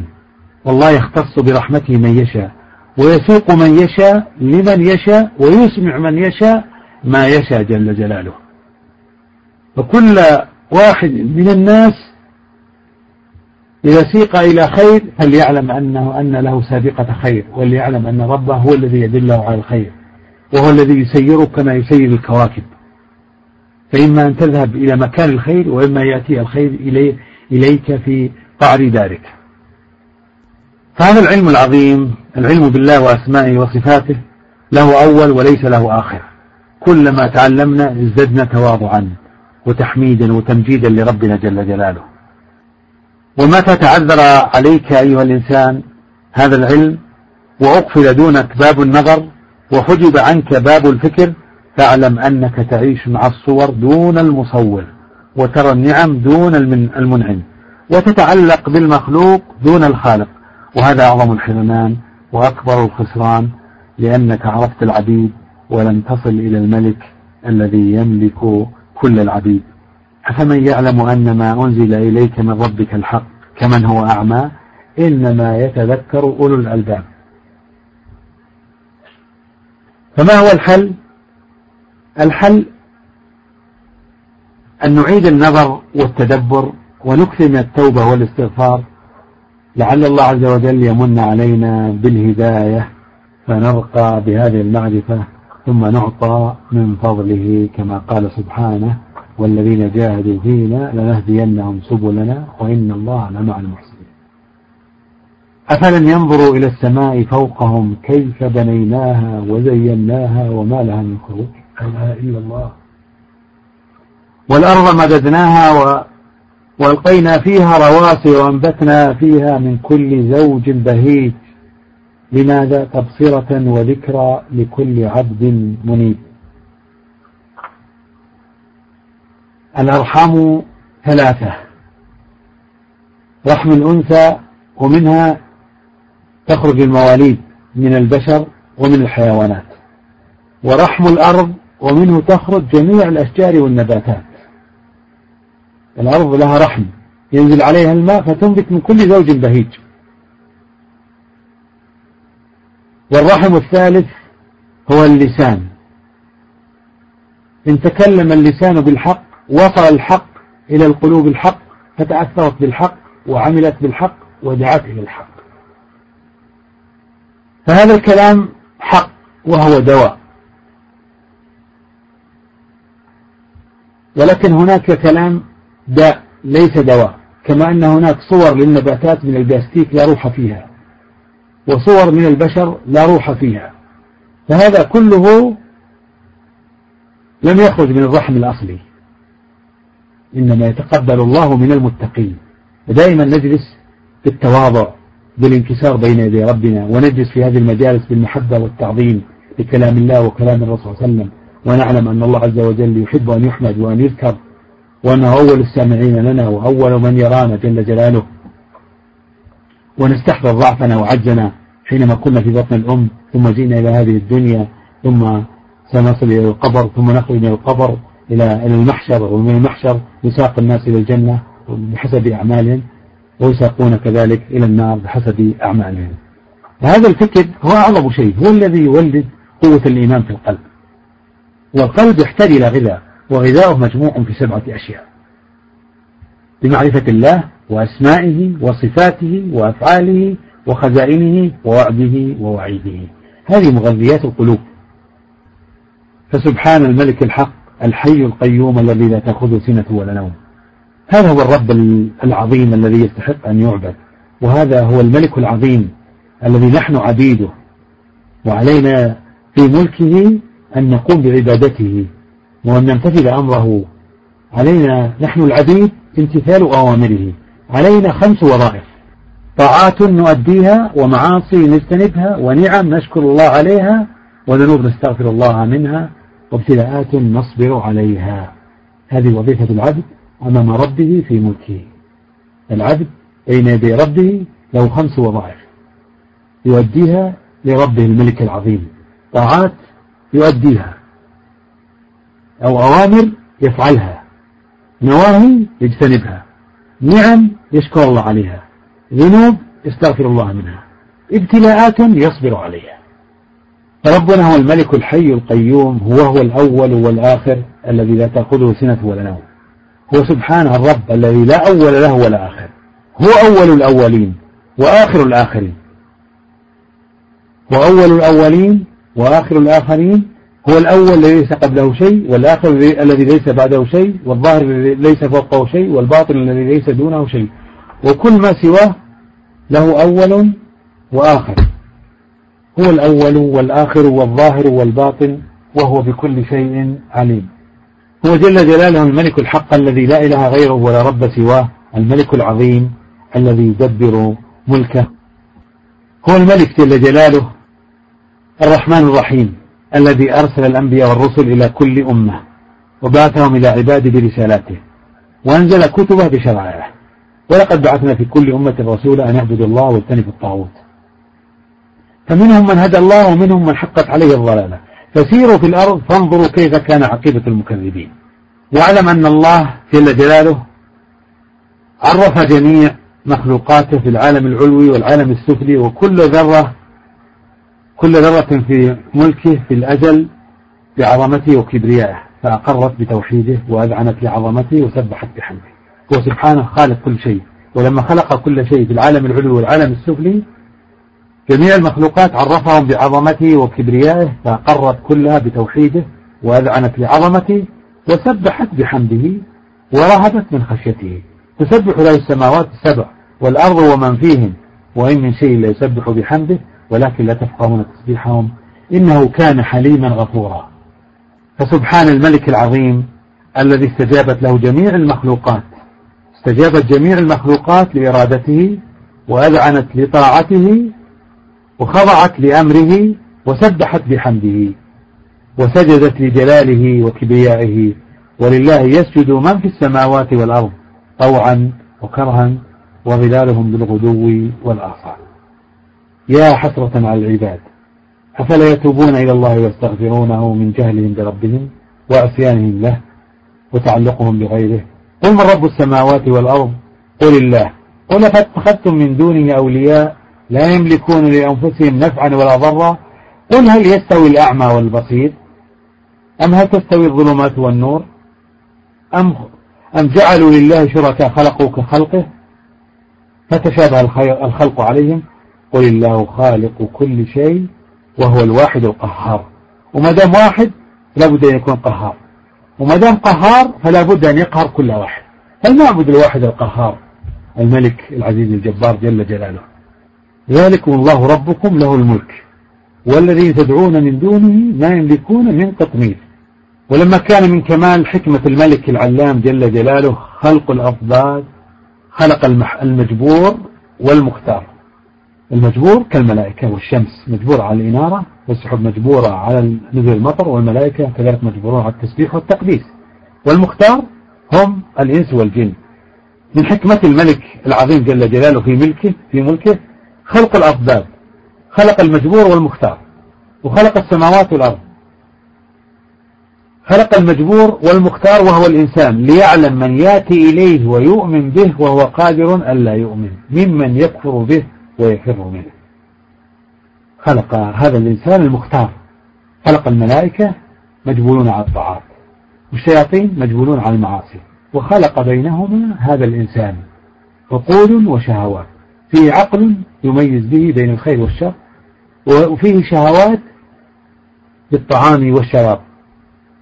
فهذا المختار هو الإنسان. لماذا خلق الله هذا الإنسان؟ خلقه ليعلم من يأتي إليه ويؤمن به وهو قادر أن لا يؤمن ممن يكفر به ويفر منه ولهذا الله عرض الأمانة على السماوات والأرض فبين والجبال فأبين يحملنا واشفقها منها وحملها الإنسان. إنه كان ظلوما لنفسه جهولا لا يعلم ما في الغيب. هذا الإنسان جهول بأشياء كثيرة. ولما خلق الله هذا الإنسان خلق هذا الإنسان يعني يختلف عن الملائكة وعن الشياطين وعن الحيوانات. خلقه بخلق عجيب وأعطاه القدرة على الاختيار. ولهذا الله عز وجل لما خلقه رمى سبحانه الروح بالنفس ورمى العقل بالهوى. الروح محبوباتها ملكية والنفس محبوباتها حيوانية. الروح محبوباتها علوية والنفس محبوباتها شهوانية. هذا الجسد جسد خلق من تراب مخلوق من التراب. ويتغذى على ما يخرج من التراب من طعام وشراب. لما دخلت فيه الروح صار حيا ثم جاءت النفس. لما دخلت الروح صار حيا ولما صار حيا جاءت النفس. والنفس مقابل الروح. الروح محبوباتها ملكية. تحب سبحان الله والحمد لله تحب الصيام والصلاة وطاعة الله والدعوة إليه ونشر دينه. والنفس محبوباتها حيوانية. تحب الأكل والشرب والنوم والسكن المريح والمركب المريح وهكذا محبوباتها وشهواتها عرضية. فالله رمى العقل بالهوى. ورمى الروح بالنفس. امتحان وابتلاء. لابد أن نعرف هذا الإنسان ونعرف رب الإنسان. حتى نعبد الله بما يحبه ويرضاه. وحتى نتصل بالملك. نتصل نتصل بالملك لنأخذ من الحياة الملكية ما يجعلنا يوم القيامة في ملك كريم ملك كريم بقرب الملك الكريم. إن المتقين في جنات ونهر في مقعد صدق عند مليك مقتدر. ولهذا الله عز وجل امتحان وابتلاء. الله رمى العقل بالهوى. في عاقل لكن الهوى يجره إلى المعصية. فيه الروح الله رماها بالنفس ليعلم الله من يأتي إليه طوعا وهو قادر أن لا يأتي ممن لا يأتي إليه. وقابل العلم بالجهل وقابل الإيمان بالكفر وقابل الصدق بالكذب وقابل الحق بالباطل وقابل الذكر بالنسيان وقابل الأوامر الملكية بالشهوات الحيوانية وقابل الهداية بالضلالة. وقابل الدنيا بالآخرة امتحانا وابتلاء. فالأحوال كلها بيد الله عز وجل والأعمال بأيدينا. الله خلق الأحوال امتحان. الله عز وجل خلق الأحوال امتحان وابتلاء. وخلق الأعمال للنجاة والفوز. الأحوال بيده. والأعمال بأيدينا. هو الذي يقلب الليل والنهار هو الذي يحيي ويميت هو الذي يعطي ويمنع هو الذي يبسط ويقبض. فالأحوال بيده وتغيير الأحوال بيده والأعمال بأيدينا. وهذه الأعمال هي المطلوب تثبيتها. الأحوال لا تثبت في الدنيا. الأحوال على الإنسان الله يغير علينا الأحوال لنستخرج, ليستخرج العبودية منا في جميع الأحوال. في حال الغنى والفقر في حال الصحة والمرض في حال الأمن والخوف. الأحوال بيده وحده لا شريك له والأعمال بأيدينا والمطلوب ليس تثبيت الأحوال الأحوال لا تثبت الأحوال لا تثبت إلا يوم القيامة. الله يثبتها لأهل الجنة ولأهل النار. لأهل الجنة شباب بلا هرم ونعيم بلا بؤس وحياة بلا موت وسعادة بلا شقاء. في هذه الدنيا امتحان وابتلاء لا تثبت الأحوال والأحوال بيد واحد هو الذي يغيرها ويبدلها هو الذي يأتي بالمرض وهو الذي يزيده وهو الذي ينقصه وهو الذي يبعده هو الذي يأتي بالغنى وهو الذي يزيله هو الذي يأتي بالفقر هو الذي يأتي بالأمن هو الذي يأتي بالخوف هو الذي يأتي بالعزة هو الذي يؤتي الملك من يشاء وينزع الملك من يشاء ويحيي من يشاء ويميت من يشاء ويهدي من يشاء ويضل من يشاء جل جلاله. كل شيء بيده جل جلاله. ولكن الله امتحان وابتلاء. رمى الروح بالنفس ورمى العقل بالهوى وقابل الإسلام بالكفر وقابل العلم بالجهل وقابل الصدق بالكذب وقابل الحق بالباطل وقابل الأوامر الملكية بالشهوات الحيوانية وقابل الهداية بالضلالة وقابل الدنيا بالآخرة لينظر من يأتي إليه ويفر إليه وهو قادر أن لا يأتي ممن لا يأتي إليه. فما هو الحل؟ ففروا إلى الله. إني لكم منه نذير مبين. ولا تجعلوا مع الله إلها آخر. إني لكم منه نذير مبين. فلا تدعوا مع الله إلها آخر فتكون من المعذبين. قطعا كل من تعلق بغير الله فهو معذب. معذب من الداخل ومعذب من الخارج. فلا تعجبك أموالهم ولا أولادهم. إنما يريد الله ليعذبهم بها في الحياة الدنيا وتزهق أنفسهم وهم كافرون. لا يغرنك تقلب الذين كفروا في البلاد. متاع قليل ثم مأواهم جهنم وبئس المهاد. لكن الذين اتقوا ربهم حياتهم تختلف. لهم غرف فوقها غرف مبنية. لهم جنات تجري من تحتها الأنهار. فالسعادة لها طريق واحد هو الدين والشقاوة لها طريق واحد وهو اتباع الهوى وعصيان الرب جل جلاله. فالله عز وجل قابل ابتلاء وامتحانا كل صفة محمودة بضدها مذمومة. فضل عن الحق من شاء الله أن يضل واهتدى إليه من شاء الله أن يهتدي وأعرض عن ذكره من شاء الله أن يعرض. فأما الذين آمنوا فيعلمون أنه الحق من ربهم. وأما الذين كفروا فيقولون ماذا أراد الله بهذا مثلا؟ يضل به كثيرا ويهدي به كثيرا وما يضل به للفاسق فكل أحد يختار ويعمل على شاكلته حسب فطرته الأولى حين قرر لربه بالربوبية والوحدانية حينما قال الله ألست بربكم؟ فقالت هذه الأرواح قالوا بلى شهدنا. وأرجعوا إلى صلب آدم فهم يخرجون من صلبه جيلا بعد جيل وقرنا بعد قرن وأمة بعد أمة وفردا بعد فرد.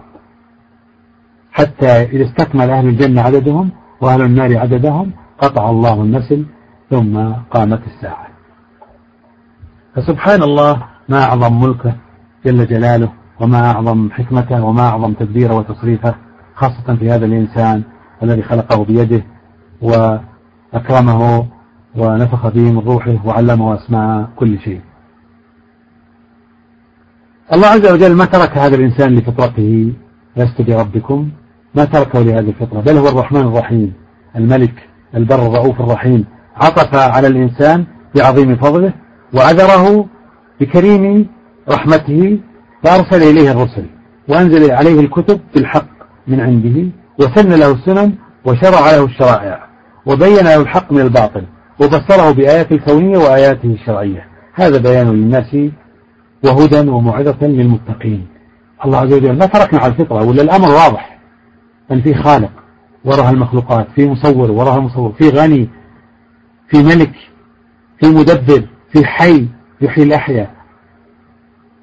في ملك بيده الملك والملكوت ولكن الله ما تركنا لهذا. بل أرسل الرسل وأنزل الكتب وبين لنا الشرائع حتى نعبده وحتى نسقي الفطرة بما يزيد الإيمان لتزيد الطاعات وتعمل الجوارح بطاعة الله عز وجل. فهذه الآيات الكونية النظر فيها يولد الإيمان والنظر في الآيات الشرعية يولد كذلك الإيمان. أفلا يتدبرون القرآن؟ ولو كان من عند غير الله لوجدوا فيه اختلافا كثيرا. فالحمد لله رب العالمين من علينا بمثل هذه المجالس ويسر لنا مثل هذا اللقاء. والآن آه، نستريح لمدة عشر دقائق ونعود بعد ذلك إن شاء الله. الحمد لله رب العالمين الذي من علينا بهذا الدين العظيم وجعلنا من ذرية آدم وجعلنا من خير أمة أخرجت للناس وأنزل علينا أفضل كتبه وأرسل إلينا أفضل رسله فله الحمد كما يليق بجلاله وعظمته وسلطانه. هذا الإنسان الله عز وجل فطره على التوحيد. فطرة الله التي فطر الناس عليها. ثم سقى هذه الفطرة بإنزال الكتب وإرسال الرسل إلى هؤلاء البشر. والناس في قبول هذا الحق وعدم قبوله مختلفون. فبعد البيان وبعد النظر في الآيات الكونية والآيات الشرعية منهم من يهديه الله ومنهم من يضله. لكن الله أقام الحجة أعطى الأسماع والعقول والأبصار وأنزل الكتب وأرسل الرسل وأقام الحجة على الخلق. منهم من قبل الهدى فاستقام على طاعة مولاه. ومنهم من رد الهدى فصار يعيش كالحيوانات وكالأنعام بل أضل من الأنعام. فالمؤمن الذي قبل الهدى وتاب إلى ربه وأناب وعاد إلى فطرته الأولى وهداه ربه الكريم إلى صراط المستقيم. هذا المؤمن قد تكرم الله عليه بالهداية. قل إنني هداني ربي إلى صراط مستقيم دينا قيما ملة إبراهيم حنيفا وما كان من المشركين. قل إن صلاتي ونسكي ومحياي ومماتي لله رب العالمين لا شريك له. وبذلك أمرت وأنا أول المسلمين. هذا المؤمن إذا عثر بذلة تبعده عن ربه قاله الكريم جل جلاله المؤمن إذا عصى الله لا جهلا وإنما شهوة إذا عثر بزلة تبعده عن ربه أقال الكريم عثرته بالتوبة وقبل معذرته وغفر له زلته لأنه هو الملك التواب الرحيم جل جلاله. فمن تاب من بعد ظلمه وأصلح فإن الله يتوب عليه. إن الله غفور رحيم. أما الكافر فظل وأعرض عن هدى ربه وكذب رسله ولم ينتفع ببصره ولا بصيرته واتبع هواه وشهوات نفسه فخسر وضل وأضل قل هل ننبئكم بالأخسرين أعمالا الذين ضل سعيهم في الحياة الدنيا وهم يحسبون أنهم يحسنون صنعا. أولئك الذين كفروا بآيات ربهم ولقائه. فحبطت أعمالهم فلا نقيم لهم يوم القيامة وزنا هذا الإنسان إما أن يعيش على هواه وإما أن يعيش على هدى ربه. والمؤمن الذي اصطفاه الله واجتباه واختاره لا يجوز له أن يصرف لحظة واحدة في معصية مولاه لأنه لا يليق به أن يفعل هذا الفعل لأنه آمن بالمؤمن جل جلاله آمن بربه الذي له ملكوت كل شيء فلا بد أن يطيع أمره ويجتنب نهيه. فغير مسموح للمؤمن أن يتحول من الطاعة إلى المعصية. ثانية واحدة العمر ثلاثة أقسام عمر إنساني وعمر إبليسي وعمر حيواني. العمر الحيواني يقضيه الإنسان في الأكل والشرب والشهوات كما قال عن الكفار والذين كفروا يتمتعون ويكونون كما تأكل الأنعام والنار مثوى لهم.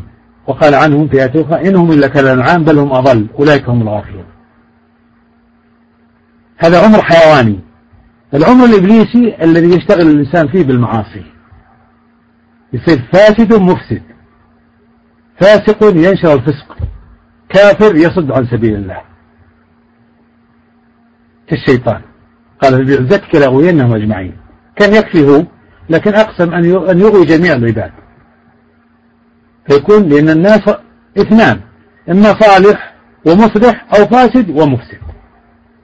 فإن لم تكن في الصالح والمصلح فلا بد أن تتحول إلى الفاسد المفسد لأنه لا بد من اتباع الهوى من, من, من اتباع الهدى وترك الهوى. وترك الهوى.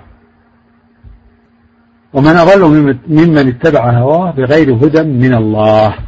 أعظم صنم معبود من دون الله هو الهوى اتباع الهوى لأنه يهوي بصاحبه إلى نار جهنم يهوي به إلى الرذائل يهوي به إلى المنكرات يهوي به إلى ما يسخط ربه جل جلاله.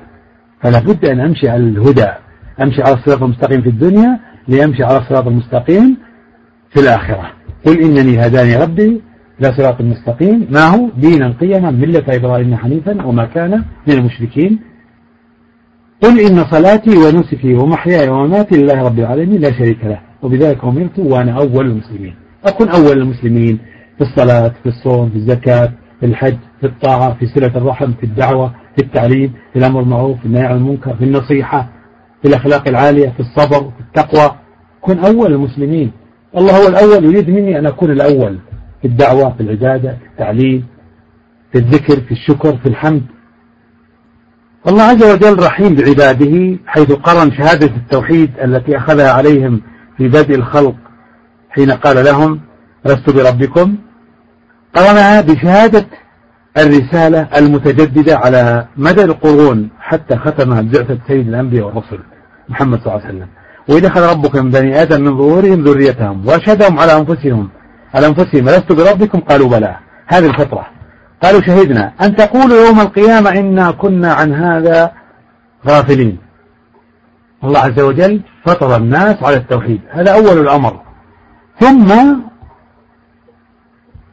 أرسل الرسل رسلا مبشرين ومنذرين تسقي هذه الفطرة. وتأمرهم بما يحب الله عز وجل وما يرضيه. وختم هذه الرسالات برسالة سيد الخلق صلى الله عليه وسلم الذي كان أحسن الخلق خلقا وخلقا وكان خلقه القرآن. هو الذي أرسل رسوله بالهدى ودين الحق ليظهره على الدين كله ولو كره المشركون. فلا بد أن أعيش في هذه الدنيا حياة ملكية.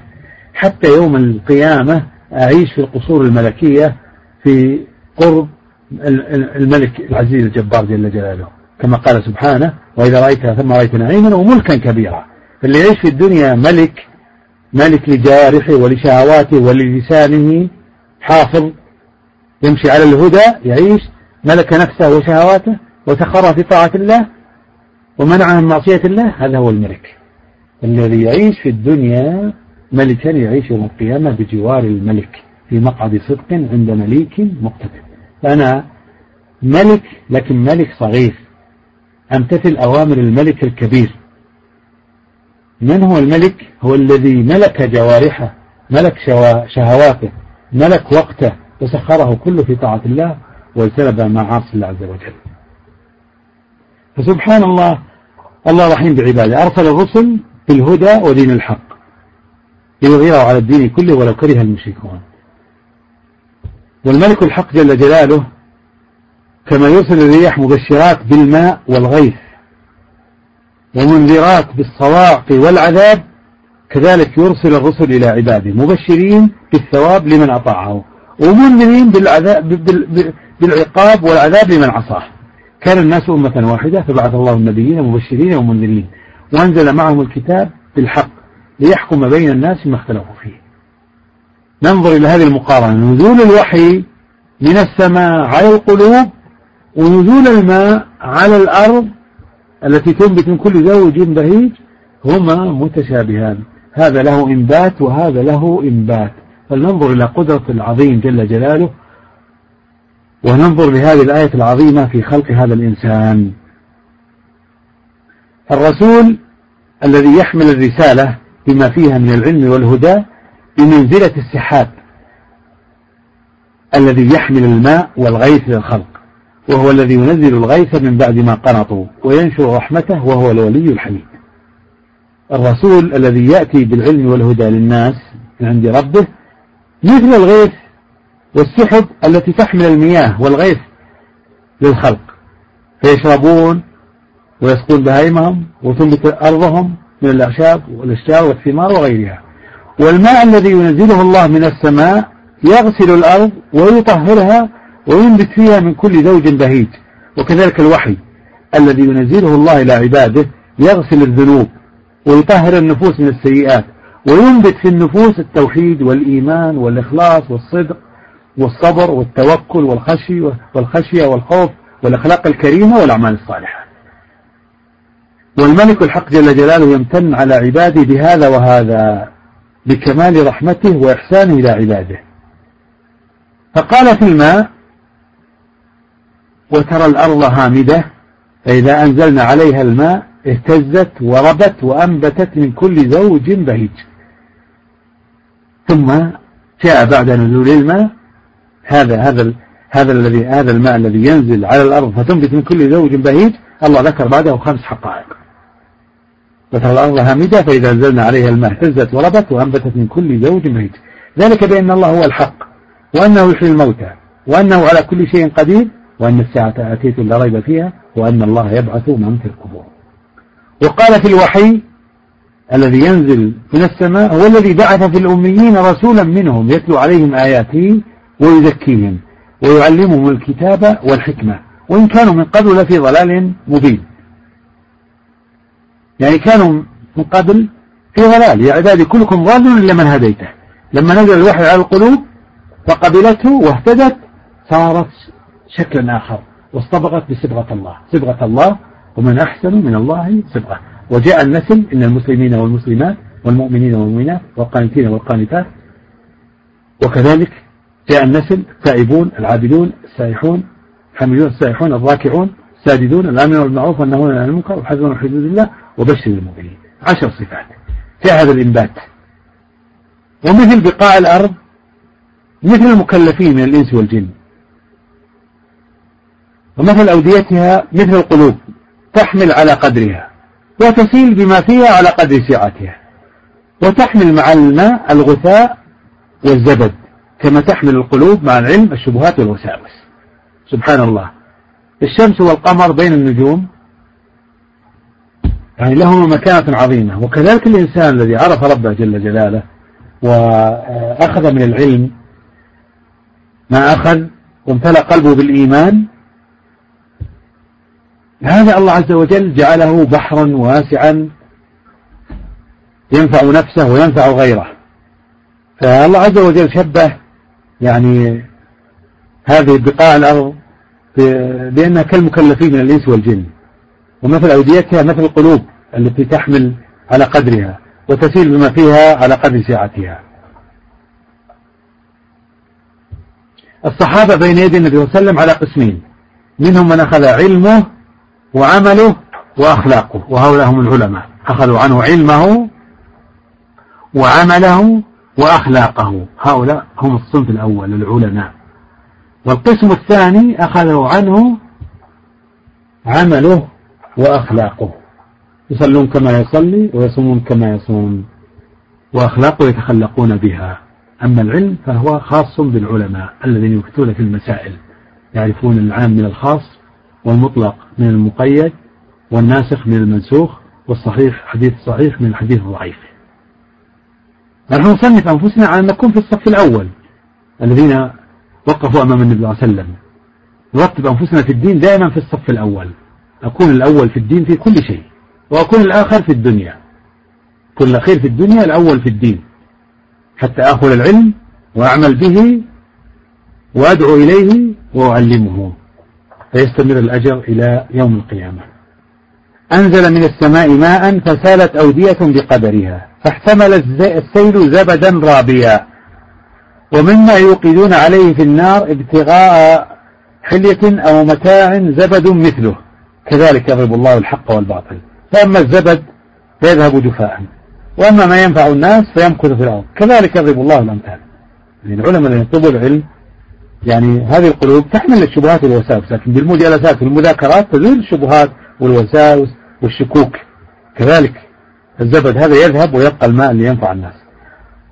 ومثل نبات الأرض من من الماء من ثمر وشوك وحلو ومر مثل أعمال القلوب من العلم الوارد عليها. فالطيب يخرج الأعمال الطيبة القلب الطيب والعلم الطيب يخرج الأعمال الطيبة والعلوم الطيبة والخبيث يخرج الأعمال الخبيثة. ألم ترى كيف ضرب الله مثلا كلمة طيبة كشجرة طيبة؟ أصلها ثابت وفرعها في السماء تؤتي أكلها كل حين بإذن ربها. ويضرب الله الأمثال للناس علهم يتذكرون. ومثل كلمة خبيثة كشجرة خبيثة اجتثت من فوق الأرض ما لها من قرار. فسبحان من جعل آية إنزال الماء إلى الأرض آية على إرسال الرسل إلى أهل الأرض.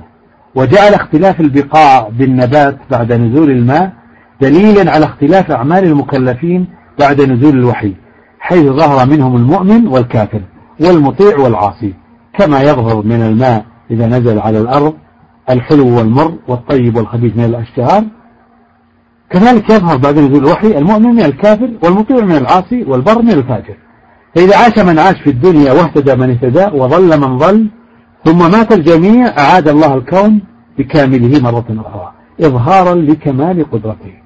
الكون كله بيد الله أصغر من الخردلة في أيدينا. يوم نطوي السماء كطي السجل للكتب كما بدأنا أول خلق نعيده. وعدا علينا إنا كنا فاعلين. عز وجل لا يعجزه أن يعيد الكون كله يوم القيامة. وهو الذي يبدأ الخلق ثم يعيده جل جلاله. لا يعجزه شيء لا يعجزه شيء في الأرض ولا في السماء. ثم الله عز وجل الملك الحق يميز يوم القيامة الخبيث من الطيب فيجعل الطيب كله في الجنة ويجعل الخبيث كله في النار. أفمن كان مؤمنا كمن كان فاسقا؟ لا يستوون. أما الذين آمنوا وعملوا الصالحات فلهم جنات المأوى نزلا بما كانوا يعملون. الله الكريم وأما الذين فسقوا فمأواهم النار. كلما أرادوا أن يخرجوا منها أعيدوا فيها. وقيل لهم ذوقوا عذاب النار الذي كنتم به تكذبون. واعلم أن الله هو الملك الحق الذي له الأسماء الحسنى والصفات العلى. والأفعال الجميلة والمثل الأعلى. الله لا إله إلا هو له الأسماء الحسنى. هو الملك الكريم الرحيم القادر على كل شيء الذي يقبض ليبسط ويمنع ليعطي ويبتلي ليصطفي ويذل ليعز. وهو الذي يبدأ الخلق ثم يعيده وهو أهون عليه وله المثل الأعلى في السماوات والأرض وهو العزيز الحكيم. هو سبحانه الملك الذي ابتدع خلق هذا الكون. العظيم على غير مثال سابق. وسبحانه الملك القادر الذي ابتدأ العباد بالفيض والإمداد وأظهر جميع الخلائق من العدم إلى الوجود. بديع السماوات والأرض. وإذا قضى أمرا فإنما يقول له كن فيكون. الله كبير قبل أن نكبره. والله محمود قبل أن نحمده. والله رزاق قبل أن يرزقنا. وخالق قبل أن يخلقنا جل جلاله. لكن نحن نسمع قلوبنا نسمع القلوب هذا الكلام لتتعظ وتعود إلى ربها وتفر من المخلوق إلى الخالق ومن الدنيا إلى الآخرة ومن الشهوات إلى الأوامر. هذا التذكير لا بد منه في كل يوم من لم يأخذ هذه الوجبة الإيمانية في كل يوم فلا بد أن ينزل. إلى أي شيء ينزل؟ ينزل أول ما ينزل إلى الرتبة الحيوانية التي تشتغل بالشهوات كالحيوانات تأكل وتشرب فقط وتعد نفسها للذبح. فكذلك الإنسان إذا ما عنده هذا التذكير ينزل أول ما ينزل إلى الرتبة الحيوانية ثم يترقى ثم ينزل تحتها درجة إلى الرتبة السبعية. السبعية التي هي تريد أن تكمل الشهوات فلا بد أن تعتدي وتسرق وتقتل لأن بقوتها تتسلط على من دونها. ثم ينزل إلى الرتبة الشيطانية الإبليسية. فيضل ويضل ويفسد ويفسد وينشر الفساد في الكون. إن فرعون علا في الأرض وجعلها أهلها شيعا يستضعف طائفة منهم. إن فرعون علا في الأرض وجعلها أهلها شيعا يستضعف طائفة منهم يذبح أبنائهم ويستحي نساءهم إنه كان من المفسدين. هذا واحد من طلاب الشيطان عمل هذا العمل. وكل سوف يكون مثل هذا مثل هذا الطاغية الذي ما يكون يعيش في الجو الإيماني.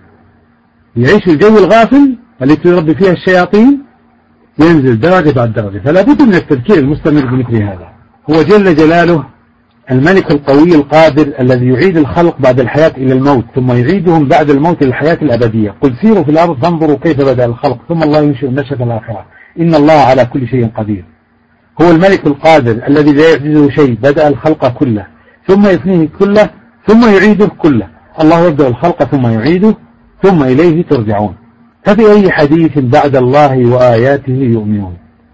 فالحمد لله رب العالمين لربنا الملك الكريم الذي خلق الخلق وقسم الأرزاق وأرسل الرسل وأنزل الكتب رحمة وهداية لعباده على مدى الدهور ثم ختم الأنبياء والرسل بمحمد صلى الله عليه وسلم وختم الأمم بأمته صلى الله عليه وسلم وأتاكم من كل ما سألتموه وإن تعدوا نعمة الله لا تحصوها. إن الإنسان لظلوم كفار. ولله الحمد على عظيم إحسانه لآدم صلى الله عليه وسلم وذريته فقد هيأ السكن قبل أن ينزل فيه الساكن إكراما له وعناية بمن خلقه بيده. ولقد كرمنا بني آدم وحملناهم في البر والبحر ورزقناهم من الطيبات وفضلناهم على كثير من خلقنا تفضيلا. وقد خلق الله عز وجل جميع المخلوقات بأمره النافذ بكن فيكون. بحرفين من كلامه كاف نون. خلق السماوات والأرض والجبال والبحار والأنهار والنجوم والجمادات والنباتات والحيوانات والإنس والجن والملائكة. خلق جميع المخلوقات بأمره الكوني بكن. إلا الإنسان خلقه بيده كراما له. ونفخ فيه من روحه وأسجد له ملائكته وعلمه أسماء كل شيء. وهو يوم القيامة في الدنيا يريد خليفة في الأرض ويوم القيامة يريد ملك في مقعد صدق عند مليك مقتدر. فمن في الدنيا عاش مع الملك يوم القيامة يكون في مقعد صدق عند مليك مقتدر. الله عز وجل خلق جميع المخلوقات بأمره النافذ وخلق آدم صلى الله عليه وسلم بيده وكفله في أول أمره وأسكنه الجنة وكفاه السعي على نفسه فيها بقوله إن لك ألا تجوع فيها ولا تعرى وأنك لا تضمع فيها ولا تضحى. هذا مرسوم ملكي من ربنا جل جلاله لآدم يخاطبه في الجنة. قال له هذه الجنة اسكن فيها إن لك لا تجوع فيها ولا تعرى وأنك لا تظمأ فيها ولا تضحى وعلم سبحان آدم صلى الله عليه وسلم الأسماء كلها لأنه بمنزلة الطفل المكفول الذي ينبغي أن يعلم الأسماء أول شيء. ثم يدرج بعد في التربية والمعرفة. وعلم آدم الأسماء كلها. كما نربي أولادنا نقول هذا جدار هذا مثلا ماء هذا كأس هذا صحن. هذه سيارة هذا جبل كذلك الله عز وجل علم آدم الأسماء كلها. ولكي يتدرب آدم صلى الله عليه وسلم على طاعة من خلقه ويحذر معصيته أباح الله له الأكل من جميع أشجار الجنة إلا شجرة واحدة ليذوق مرارة المعصية. وحذره من عدوه إبليس وعلمه كيف يتوب إذا عصى ربه. وقلنا يا آدم اسكن أنت وزوجك الجنة وكلا منها رغدا حيث شئتما ولا تقربا هذه الشجرة فتكونا من الظالمين. ثم أكل من الشجرة ثم تاب من معصيته ثم تاب الله عليه. وعصى آدم ربه وعصى آدم ربه فغوى. ثم اجتباه ربه فتاب عليه وهدى. وقد رب الله عز وجل آدم في الجنة لأنه سيجعله خليفة في الأرض. هو ذريته. ويقال ربك للملائكة إني جاعل في الأرض خليفة. قالوا أتجعل فيها من يفسد فيها ويسفك الدماء؟ ونحن نسبح بحمدك ونقدس لك؟ قال إني أعلم ما لا تعلمون. ثم أخرج الملك جل جلاله آدم صلى الله عليه وسلم وزوجه من الجنة كما يخرج الولد من كفالة أبيه ويوكل إلى سعيه بعد بلوغ رشده ومعرفة ما ينفعه وما يضره. قال اهبطوا بعضكم لبعض عدو ولكم في الأرض مستقر ومتاع إلى حين. قال فيها تحيون وفيها تموتون ومنها تخرجون. وسهل له بعد نزوله إلى الأرض نزل آدم وحواء وإبليس إلى الأرض. وسهل له أسباب التعلم ويسر له مسالك المعيشة في الأرض ولطف به كما يلطف يعني الله لطف به كما يلطف بالمكفول الذي درج ليقوم على نفسه. بعدما أنزله الله عز وجل لطف به وسهل له أسباب المعيشة. كما أن الطفل المكفول إذا شب وترعرع وأصبح قادرا على الحياة يقول أهله يقول له اخرج واطلب المعاش واسعى في الأرض. الله قال له عز وجل وقد مكناكم في الأرض وجعلنا لكم فيها معايشة قليلا ما تشكرون. سهل له أسباب المعيشة ثم لم يزل التكليف يشتد على سنن التدريج على أمة بعد أمة حتى انتهى إلى بني إسرائيل. بني يعقوب ثم جاء الله بخاتم الأنبياء محمد صلى الله عليه وسلم فصرفوا عن تلك الشدة إلى الحنيفية السمحة التي في زمان إبراهيم صلى الله عليه وسلم. فكان ذلك بمنزلة المكلف حال الشيخوخة. رفع الله عنه في آخر حياته إننا نحن آخر الأمم وخفف عليه بعد الشدة والتثقيل لماذا؟ لضعفه. إن إبراهيم كان أمة قانتا لله حنيفا ولم يكن من المشركين. شاكر لأنعمه اجتباه وهداه إلى صراط مستقيم. وأتيناه في الدنيا حسنة وإنه في الآخرة لمن الصالحين. ثم أوحينا إليك أن اتبع ملة إبراهيم حنيفا وما كان من المشركين. الحمد لله. الله خفف علينا آه يعني أعطانا الأعمال الصالحة وضاعف الحسنة بعشر أمثالها إلى سبعمائة ضعف.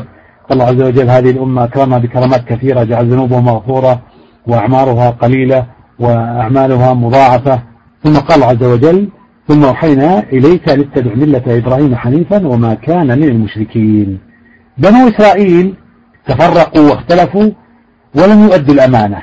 فجاءتهم الشدائد والله عز وجل نقل الخلاف منهم إلى هذه الأمة. والمؤمن في أهل الكتاب فقط هم الذين يتبعون الرسول النبي الأمي الذي يجدونه مكتوبا عندهم في التوراة والإنجيل. يأمرهم بالمعروف وينهاهم عن المنكر ويحل لهم الطيبات ويحرم عليهم الخبائث ويضع عنهم إصرهم. والأغلال التي كانت عليهم لا إله إلا الله فالذين آمنوا به وعزروه ونصروه واتبعوا النور الذي أنزل معه أولئك هم المفلحون. فاستقرت الرسالات كلها واجتمعت المحاسن كلها وصارت دينا كاملا جاء به خاتم الأنبياء صلى الله عليه وسلم من ربه لجميع البشرية إلى يوم القيامة.